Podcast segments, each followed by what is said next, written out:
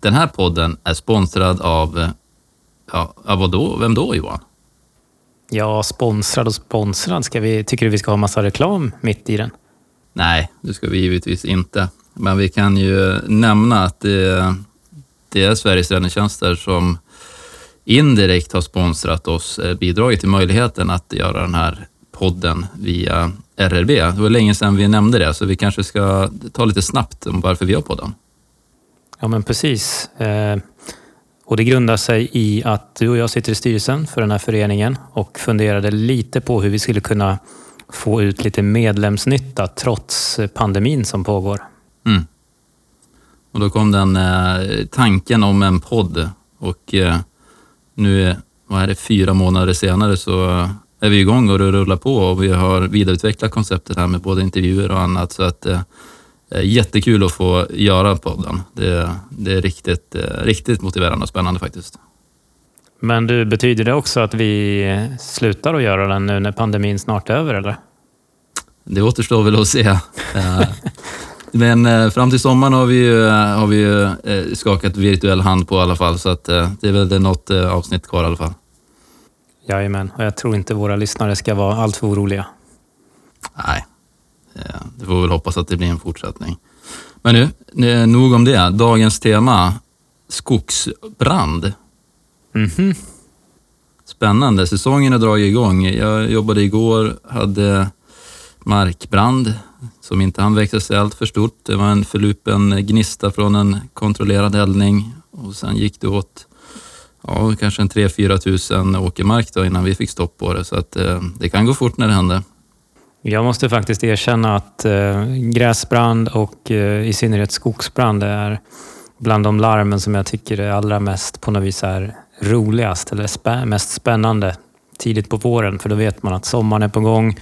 Det är oftast bråttom, det går fort, men eh, ja, det brukar lösa sig rätt snabbt ändå. Sådär. så jag tycker det är ganska kul att åka på dem. Ja, men du, det är väl inte alla dina skogsbränder som löser sig så där särskilt fort? Nej, eh, så är det. De behöver inte riktigt bli så där stora som de blev 2018, men, men en mer normal brand då, som Kajan kanske skulle ha sagt. ja, precis. Jag tänker att någon gång så ska jag eh, ta mig tid, eller vi ska ta oss tid och gå igenom trängslet och det finns ju väldigt många spännande delar i den händelsen, en av, en av Sveriges största skogsbränder. Mm. Men du, då kör vi lite allmänt om skogsbrand. Det gör vi. Nu kör vi. Varmt välkomna till RIB Podcast. En podcast för räddningstjänst och av räddningstjänst med Marcus Wallén och Johan Szymanski.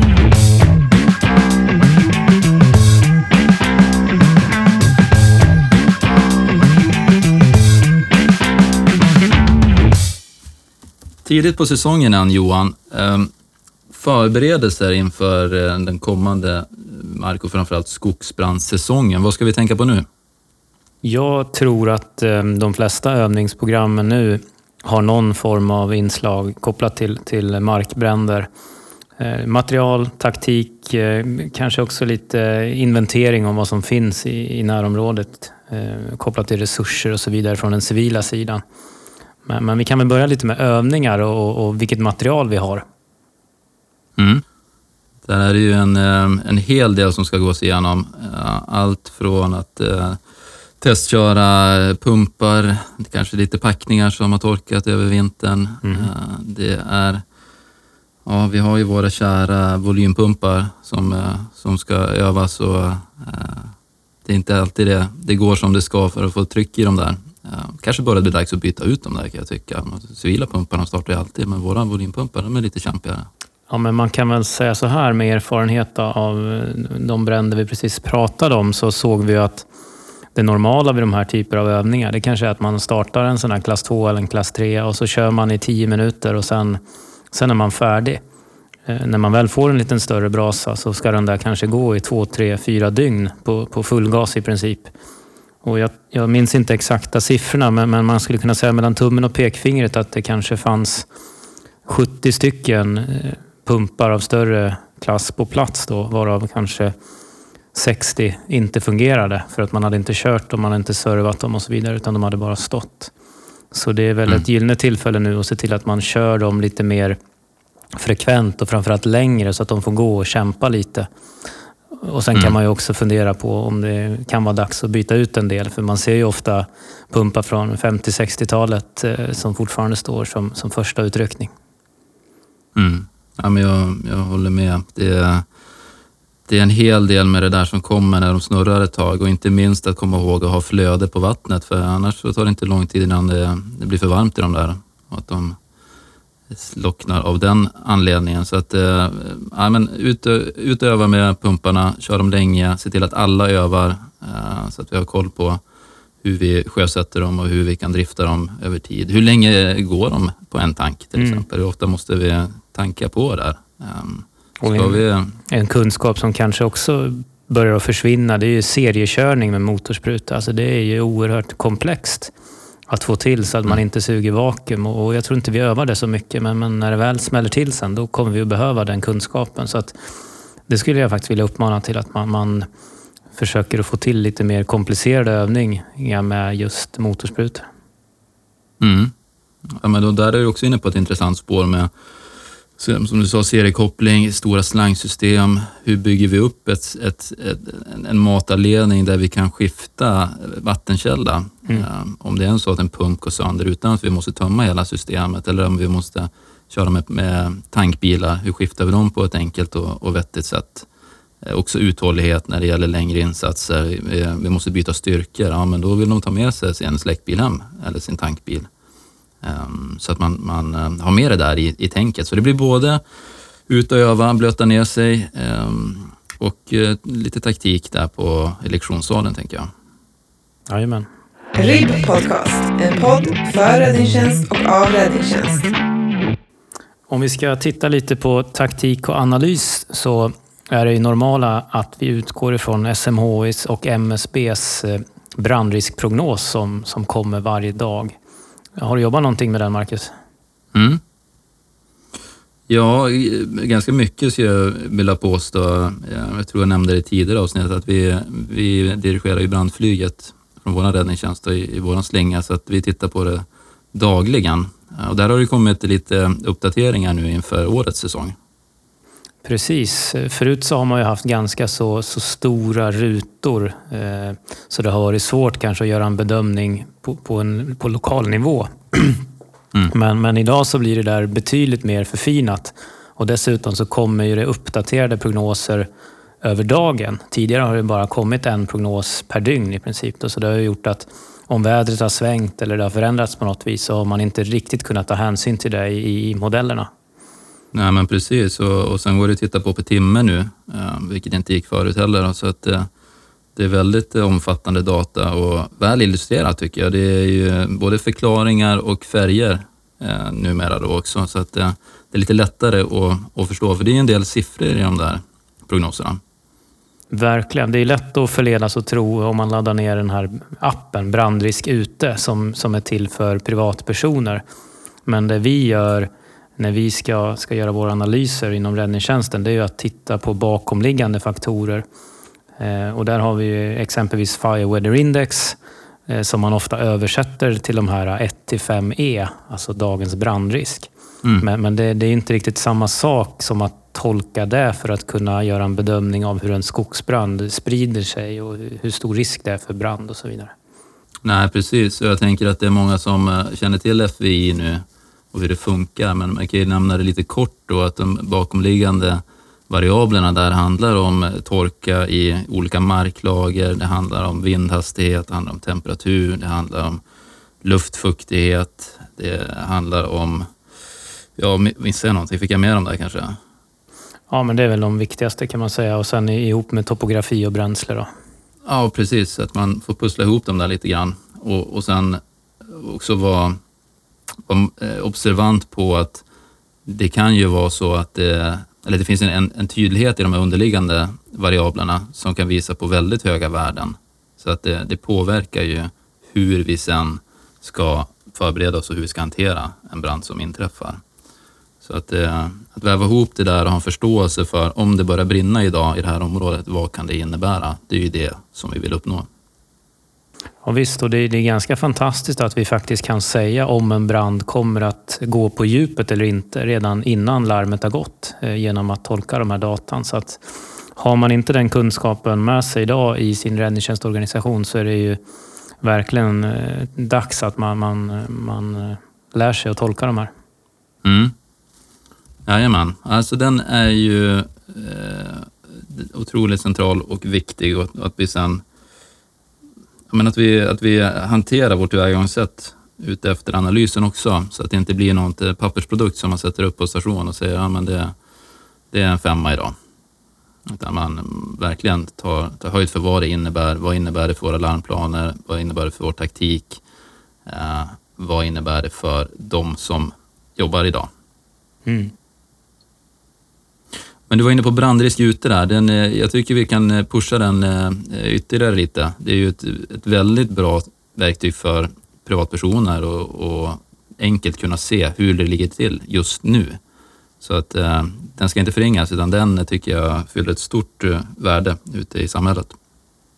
Verkligen, den är fantastiskt bra eh, givet att man använder den för rätt syfte. Sådär. Men, men, eh, för våra analyser så ska man naturligtvis eh, titta mer djupgående på de här siffrorna som finns bakom. God eh, eftermiddag. Hallstavik 11.10, 11.40 tillsammans med Elmsta 14.10, 14.60 och Norrtälje 10.80 för att åka misstänkt skogsbrand. Misstänkt skogsbrand cirka 100 gånger 100 meter Medtag UAV. Eh, oklar position där. Vi jobbar på RAPS 44 44.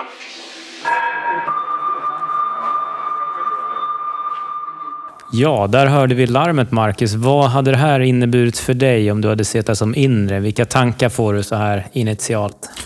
Ja, men förmodligen och förhoppningsvis har jag varit med på medlyssningen här och, och lyckats orientera mig hyfsat i tankarna. Var är det här någonstans? Vad är det för omfattning? Hur fort sprider det sig? Vilka hotade värden? Finns det människoliv? Är det byggnader? Hur kommer vi åt det här? Vad behöver vi för resursutbyggnad? Är det en station, två stationer, eh, vattenenheter? Finns det vattendrag i närheten? Kan vi komma från olika angreppsvägar? Eh, kommer vi komma åt det här? Det är ju tusentals tankar i känslan i alla fall som susar genom huvudet, så det är rätt intensivt där i uppstartsläget och det är beslut som ska fattas initialt då på, ja, för att inte säga sekunder, så, så minuter i alla fall.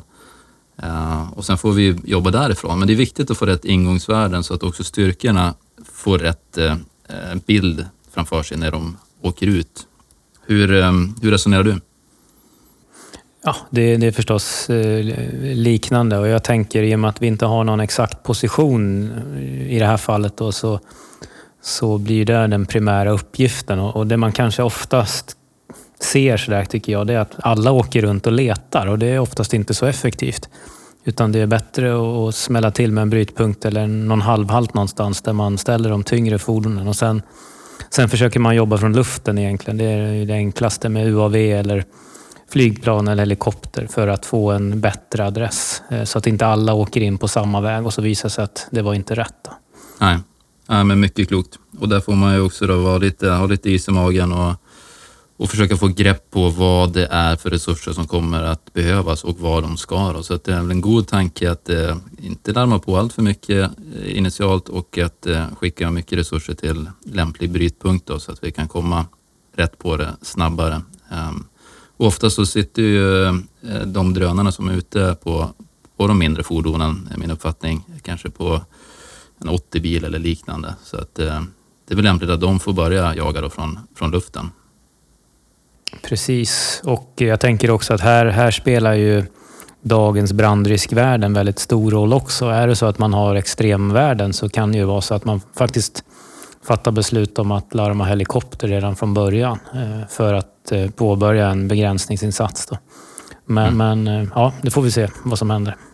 RIB Podcast, en podd för räddningstjänst och av räddningstjänst. När vi kommer fram till den här branden då Johan, vad, vad blir din... Eh, säg att du åker som, som yttre, någon yttre ledningsfunktion här. Vad, vad blir dina, dina första åtgärder? Ja, alltså det, det beror ju lite på hur det ser ut. Då, men, men, normalt sett så vill jag gärna orientera mig på platsen. Eh, Antingen genom att eh, springa runt brandområdet om det är möjligt eller få upp eh, UAVn, alltså drönaren då, i luften så att jag kan dels titta på var någonstans branden sprider sig, hur, hur stor omfattning det är men också se om det finns några naturliga begränsningslinjer och, och vatten i närheten också. Då.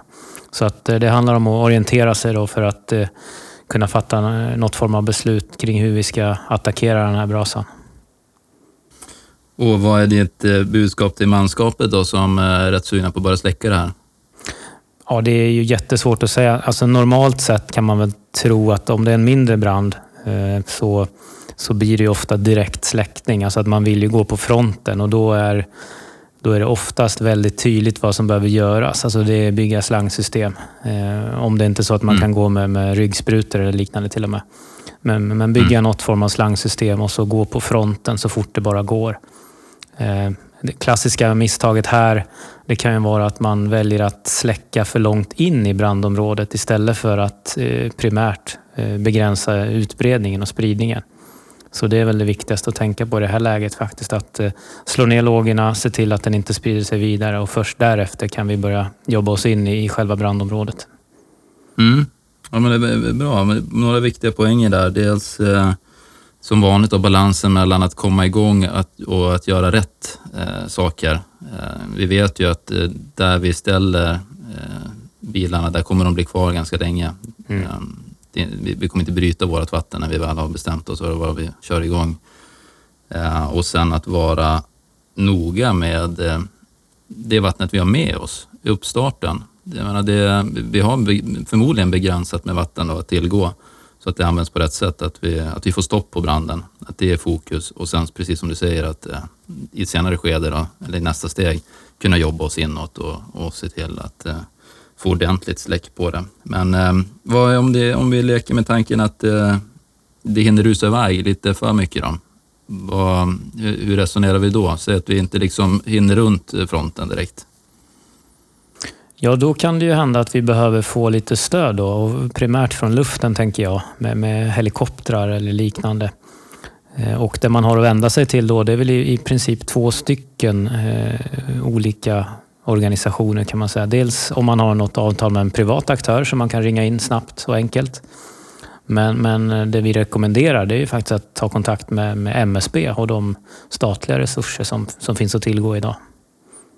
Just det. Men du undrar ifall vi ska prova att ringa, eh, ringa MSB och höra oss för lite kring det? Vad tror du? Absolut. RIB Podcast, en podd för räddningstjänst och av räddningstjänst.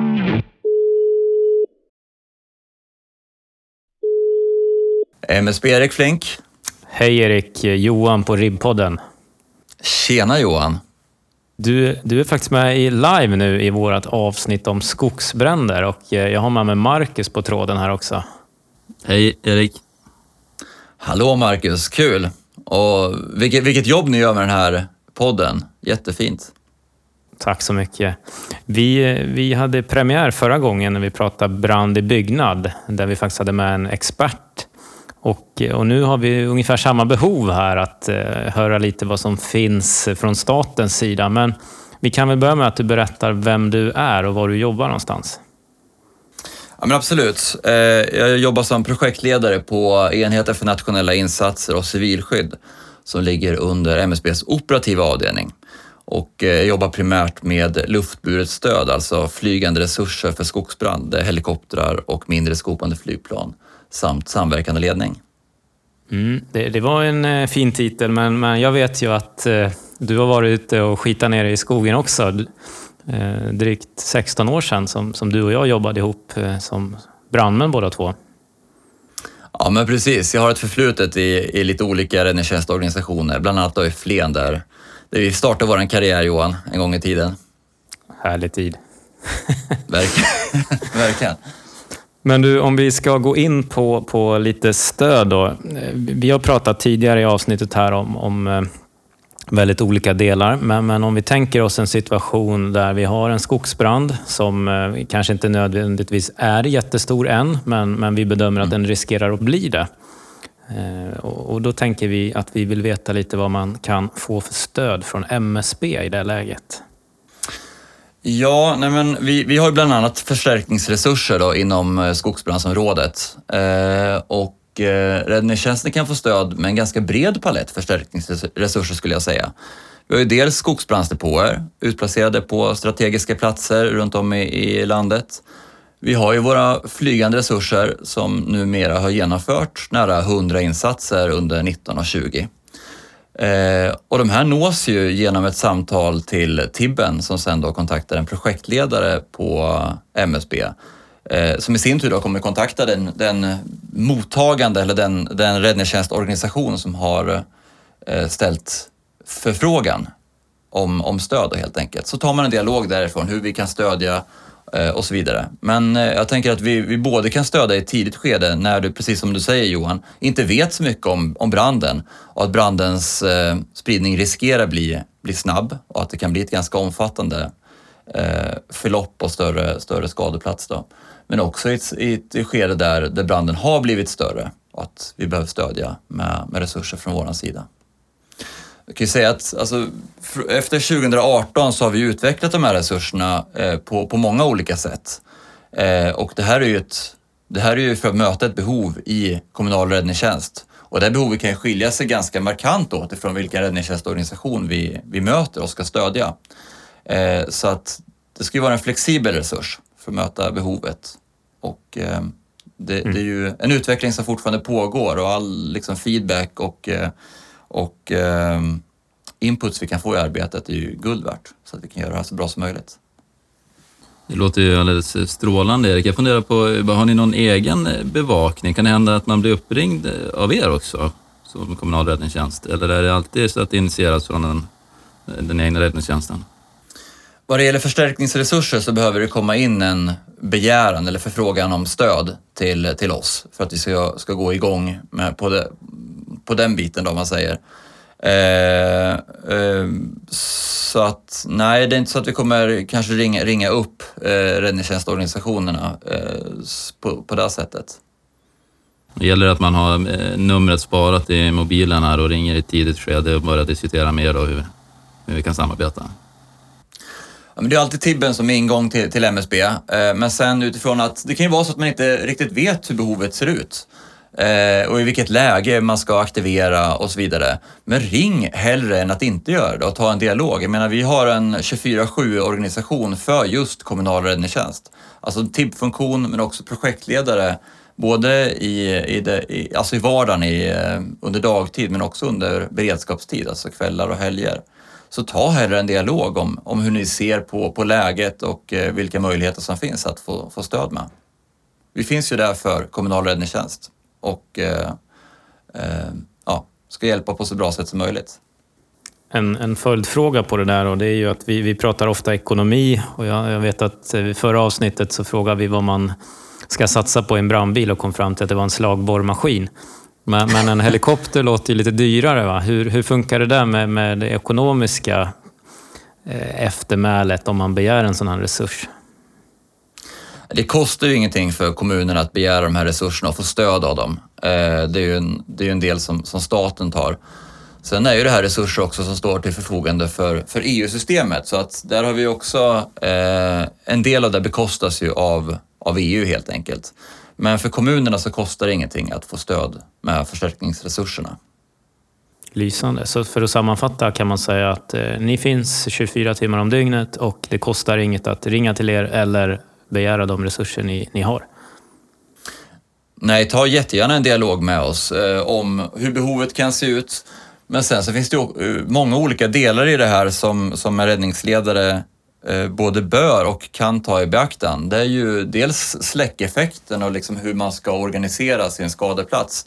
Men också utifrån ett arbetsmiljöperspektiv, vilket vi också får väldigt mycket feedback kring, att det har underlättat och förbättrat arbetsmiljön för markpersonalen. Och det är ett lika viktigt syfte att vi genomför säkra insatser, eh, säkra och effektiva insatser.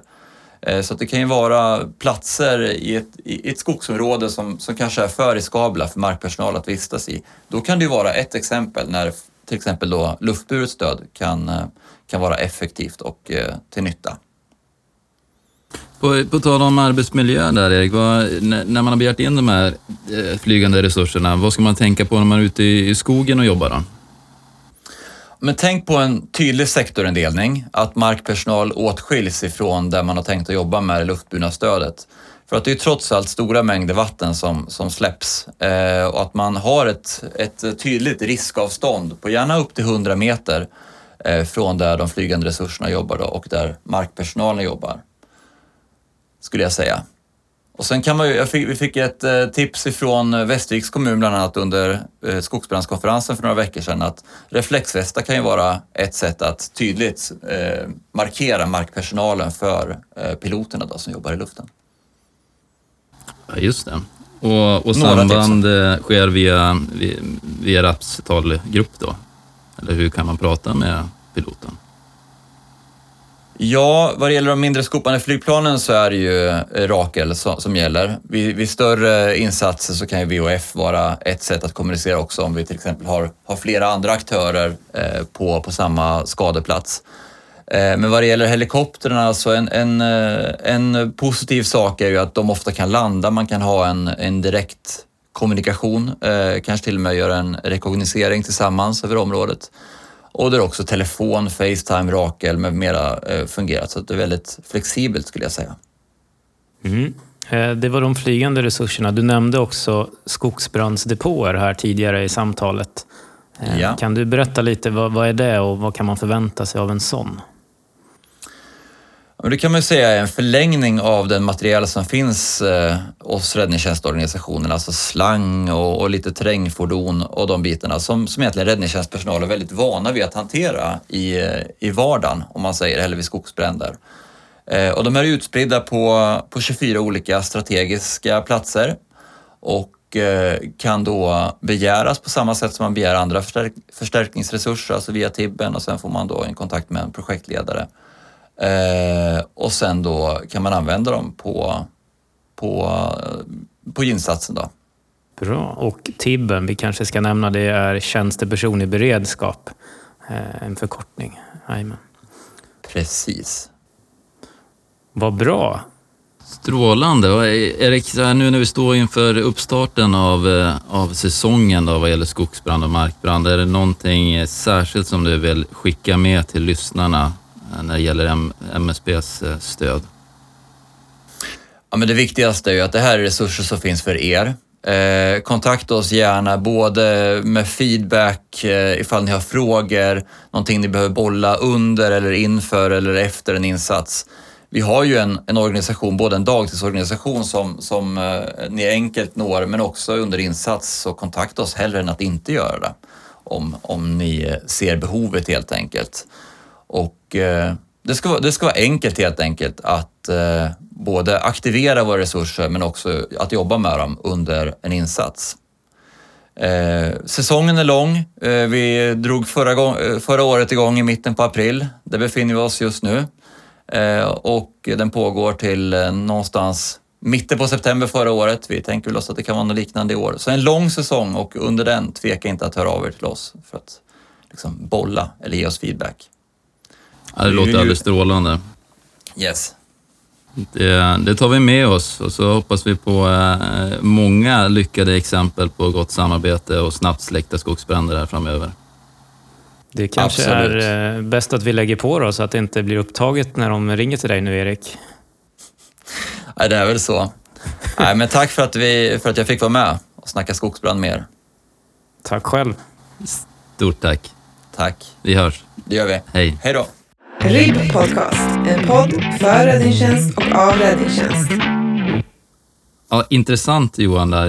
Ehm, många olika aspekter att tänka på när det gäller flygande resurser och, och förstärkningsresurser, men otroligt skönt eh, att, att det finns att tillgå. Det, det har inte alltid varit så vad gäller de flygande resurserna. Då. Det är ju inte så många år, men eh, du var väl med i början där, när, både innan och efter. Eh, vad är dina erfarenheter av flygande resurser?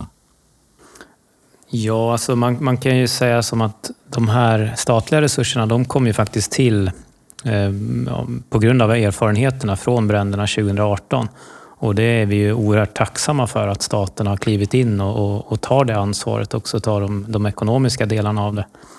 Men, men generellt kan man ju säga att stöd från luften är ju extremt effektivt. Men det viktiga att förstå är ju att en helikopter släcker inga bränder utan det är fortfarande så att en helikopter kan bistå och begränsa. Men sen är det fortfarande markpersonalen som är avgörande för att släcka och helt stoppa en skogsbrand. Så, så man får ju inte tro att man kan byta brandmän på marken mot helikoptrar i luften. Så fungerar det inte.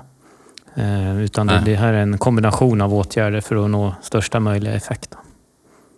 Mm. Ja, men jag, jag tänker likadant, att det, i olika lägen ska vi nyttja resurserna ehm, på olika sätt. Eh, initialt så kan det handla om att, att få en överblick och rama in och, och, få koll på, på branden. Eh, det kan vara så att vi har väldigt svårt att ta oss fram och då är det oöverdeligt att få den här begränsande effekten eh, under tiden tills vi kan komma till platsen och släcka på marken.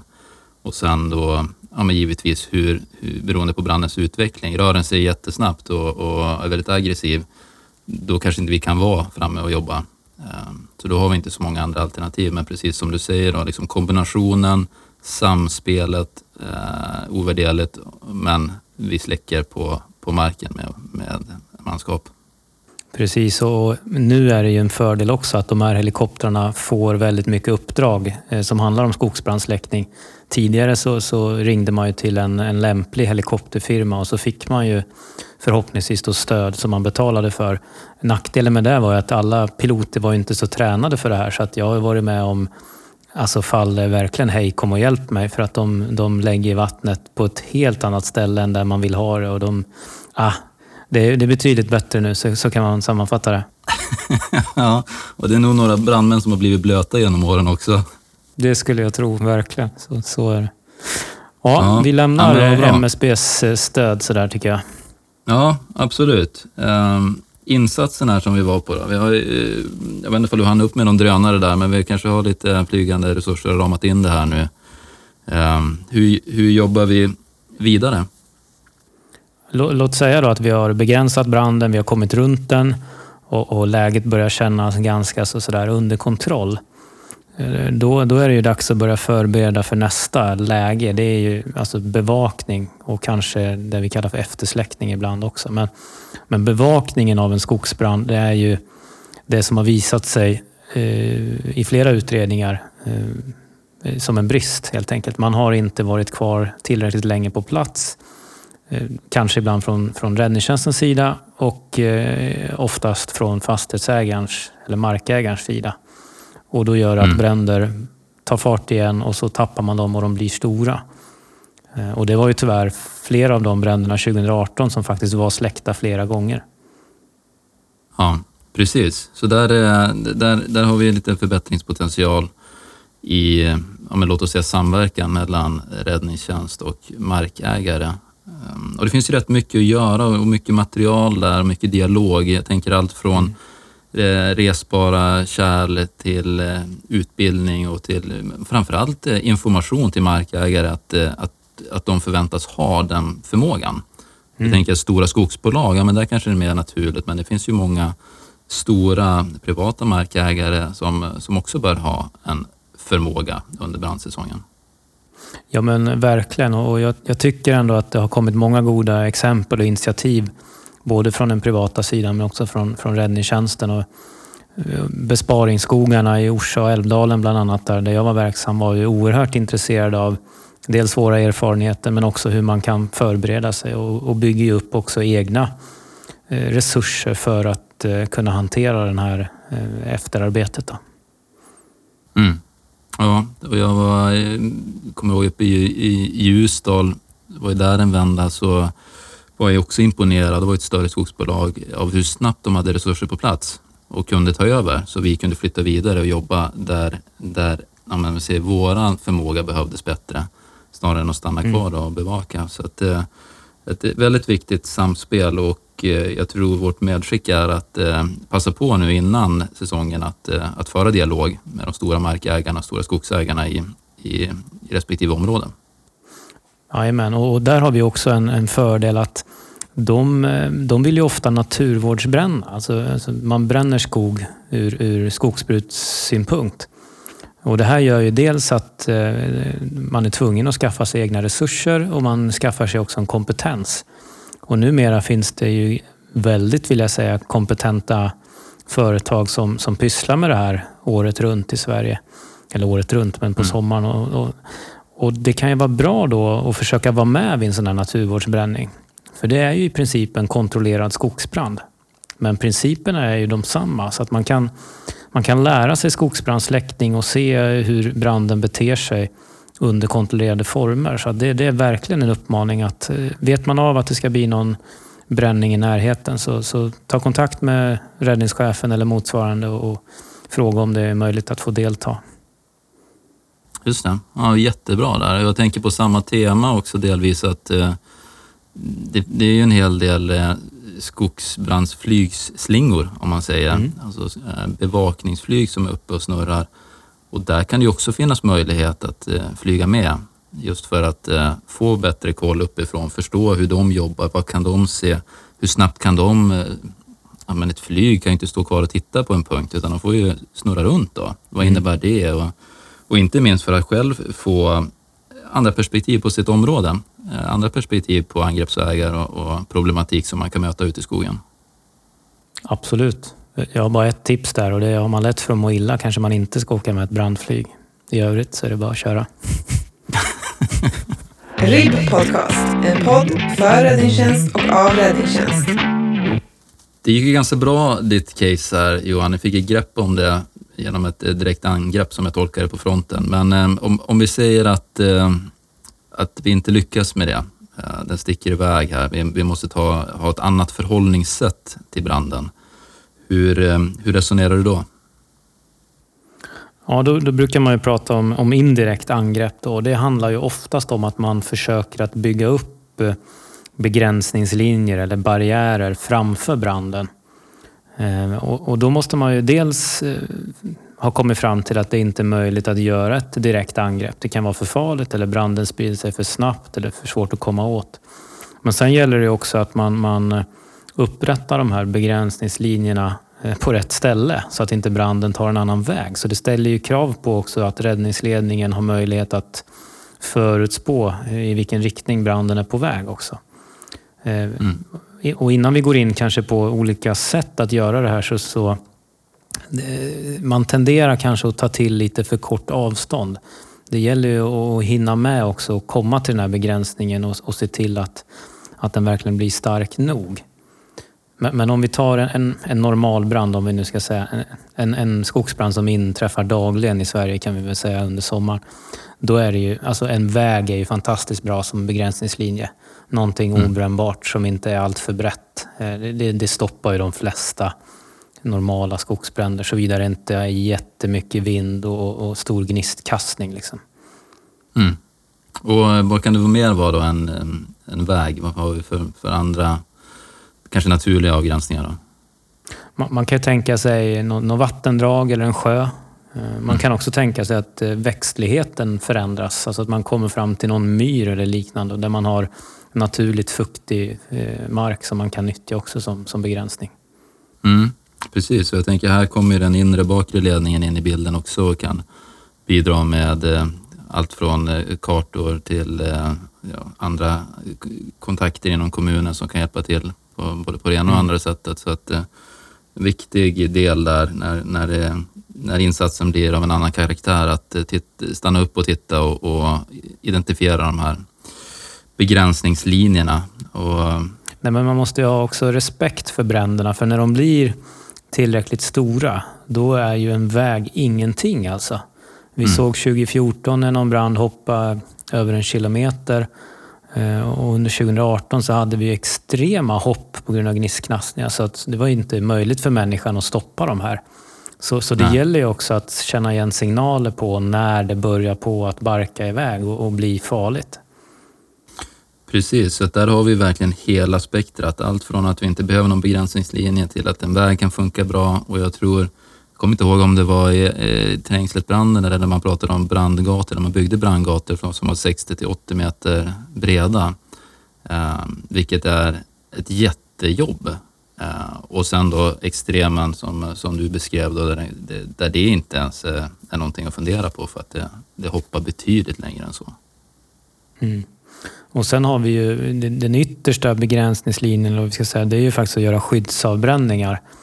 Eh, moteld finns ju också, men det är ju ytterst sällan man använder i, i Sverige. Men skyddsavbränningar innebär ju att man, man bränner av ett område i förväg så att bränslet är borta. Och det gör ju att när branden väl kommer dit så, så ja, finns det helt enkelt ingenting mer som kan brinna. Och det här var ju åtminstone under den branden på Trängslet ett av de mest effektiva sätten att stoppa eh, utbredningen. Men det är ju inget som, som jag personligen går ut och tänder på utan det här, det här kräver ju verkligen att det är experter på plats som, som eh, normalt sett kanske utför naturvårdsbränningar eller liknande. Mm. Precis. Jag tänker där, där, där knyter vi väl kanske ihop säcken med det förebyggande analysarbetet när man har tittat på hur ser prognoserna ut till eh, det faktiska arbetet på plats, eh, inventering av markerna, titta på topografi, titta på bränsle, titta på eh, begränsningslinjer, resonerar utifrån brandens utveckling, temperaturer, tid på dygnet, vind, luftfuktighet. Börjar man gå mot kvällen, ja, men då, då har man ett annat läge. Mörkret faller, kanske inte samma möjligheter att jobba samtidigt som vi får en naturlig eh, dämpad brand då, i de flesta fallen av, ja, på grund av att det börjar blåsa, eller det slutar blåsa och blir lite mer fuktigt. Eh, hur, hur tänker du kring de variationerna på dygnet? Eh, ja, där skulle jag vilja påstå att vi måste bli bättre på att nyttja eh, fukten, den naturliga i luften. Så att, att, eh, att helt avsluta släckningsarbetet på natten, det, det, det, tror jag inte är en framgånglig väg. Utan det gäller att befinna sig på, i en sån miljö som fortfarande är säker. Man kanske inte ska vara mitt i området. Men att man inte släpper helt och hållet. Men sen att man verkligen kör igång med 110 procent så fort det är möjligt att börja ljusna. Därför det är då vi har möjlighet att ta bränderna. Väntar vi till förmiddagen och så börjar på klockan bli lunch och ett där, ja då helt plötsligt är vi inne i de här sämsta tänkbara värdena igen. Och då, då har vi liksom en, en fiende som är starkare än oss redan naturligt. Så det gäller att ta hjälp av naturen här och, och, verkligen satsa på att vi har stora resurser både på morgonen och på kvällen. För det är då vi har som störst hjälp av, av moder natur. Mm, spännande. RIB Podcast, en podd för räddningstjänst och av räddningstjänst. Du var inne på eh, risker där Johan och pratade lite om eh, ja, mörkret är ju en risk för oss. Eh, det finns ganska många risker för oss att hantera när vi jobbar i, i skog som är brandhärjad. Vad, eh, vad ska vi tänka på generellt när det gäller riskbedömningar? Ja, om vi börjar med mörkret där så, så det, det traditionella är ju fallande träd. Eh, att man har haft bränder som har gått djupt, har tagit på rotsystemet och så, så har man ingen möjlighet att se när det här sker utan det, när det väl träffar en så är det för sent så att säga. Så i mörker så är det ju väldigt farligt att befinna sig i ett sådant område. Man kan ju trampa ner i glödbäddar och liknande. Så att mörker är ett kapitel för sig kan man säga. Eh, men, men generellt där så, så har vi ju röken förstås. Det handlar ju om att försöka stå med vinden i ryggen. Vilket eh, kan vara väldigt svårt när man vill åt framflonten för då kommer man ju oftast framifrån branden men man får komma från sidorna om det går. Eh, vi har snabb spridning så det gäller att ha någon form av reträttväg ifall att eh, vi får en vindpust, läget förändras sig på något vis. Då. Så det, det finns ju åtskilliga risker. Vi, ofta så har vi också andra typer av risker. Vi kör väldigt mycket bilar på små vägar. Det eh, kan hända olyckor kopplat till, till trafik så att säga. Eh, men också framförallt när vi börjar slappna av. Det är då oftast olyckorna mm. kommer. vi har varit inne på det vid andra teman. Men man kanske tar av sig hjälmen. Man, man, man tänker att ah, vi, vi, vi har inte samma höga nivå längre och det är då det kan hända saker. Eh, ofta vid skogsbränder också så är det ju extremt varmt. Alltså vi har höga temperaturer ute. Och där gäller det verkligen att tänka på sig själv och sina kamrater. Att man, man vätskar ordentligt, man, man ser till att käka ordentligt. Men sen är också klädseln oerhört viktig. Eh, mm. Man kan ju se på många bilder att brandmän går runt med larmställ på, på skogsbrand. Och, och det är ju ingenting som jag kan rekommendera för det blir bara onödigt tungt och varmt. Utan här gäller det att ha speciella kläder som är avsedda för, för skogsbrandsläckning. Precis. Ja, det var ganska mycket som vi hann beta av där. Det var allt från eh, risker med fallande träd, eh, mörker, det var eh, trampa ner i glödbränder, eh, värme, vätska, vätska upp. Eh, jag tänker att den eh, eh, när det har lugnat ner sig och man pratar eftersläckning, då kanske det inte är dumt att ha ett säkerhetsbefäl eller säkerhetsansvarig eh, som kanske ja, ser till att vi inventerar. Motorsågen kanske ska gå först. Mm, i fallet, jättebra förslag. Ta, ta, bort de här träden så, så, att vi åtminstone inte har de största riskerna kvar. Um, och så som du säger det där, jag tänker alltså just uh, en skogsbrandsoverall och lämpliga skor. Um, mm. Det finns de som är jättebra på det och det finns de som inte alls har den utrustningen. Så det är väl ja, lite som Erik Elvemark sa, satsa på egen personal. Se till att vi har förutsättningarna att, att jobba klokt. Då, då minskar också riskerna för oss. Verkligen. Bra. Hördu, jag tror eh, återigen att det börjar bli dags att runda av. Eh, det går fort de här inspelningarna, intressanta ämnen, men jag tror att vi har, vi har hunnit med mycket i alla fall, långt ifrån allt, men eh, lite om mycket kanske. Ja, det tycker jag. Och eh, vi, vi, det är som vanligt att vi tar gärna in synpunkter på ett uppföljande avsnitt. Vad vill man höra mer om? Är det något man funderar kring och så vidare? Så, så jag vill verkligen uppmana att eh, ta tillfället i akt, skriv en kommentar eller skicka ett mejl eller ring oss så, så, ser vi till att det kommer upp här som, som eh, svar nästa gång. Ja men precis och eh, den här gången så har vi inga alternativ på kommande avsnitt och vi har heller inte beslutat någonting så passa på att och tyck till. Ska vi prata mer om skogsbrand och i så fall om vad eller ska vi prata om någonting annat? Ehm, hjälp oss ehm, styra skutan vidare. Det är väl de, de slutgiltiga orden. Det låter kanon. Ja men bra. Då, ehm, då nöjer vi oss där och tackar återigen lyssnarna. Otroligt kul att så många lyssnar på oss eh, och eh, säger tack för idag. Då. Tack så mycket. Du har lyssnat på RIB Podcast. En podd för räddningstjänst och av räddningstjänst med Marcus Wallén och Johan Szymanski. Producerad av Timmy Selin, grafik Adam Dahlstedt.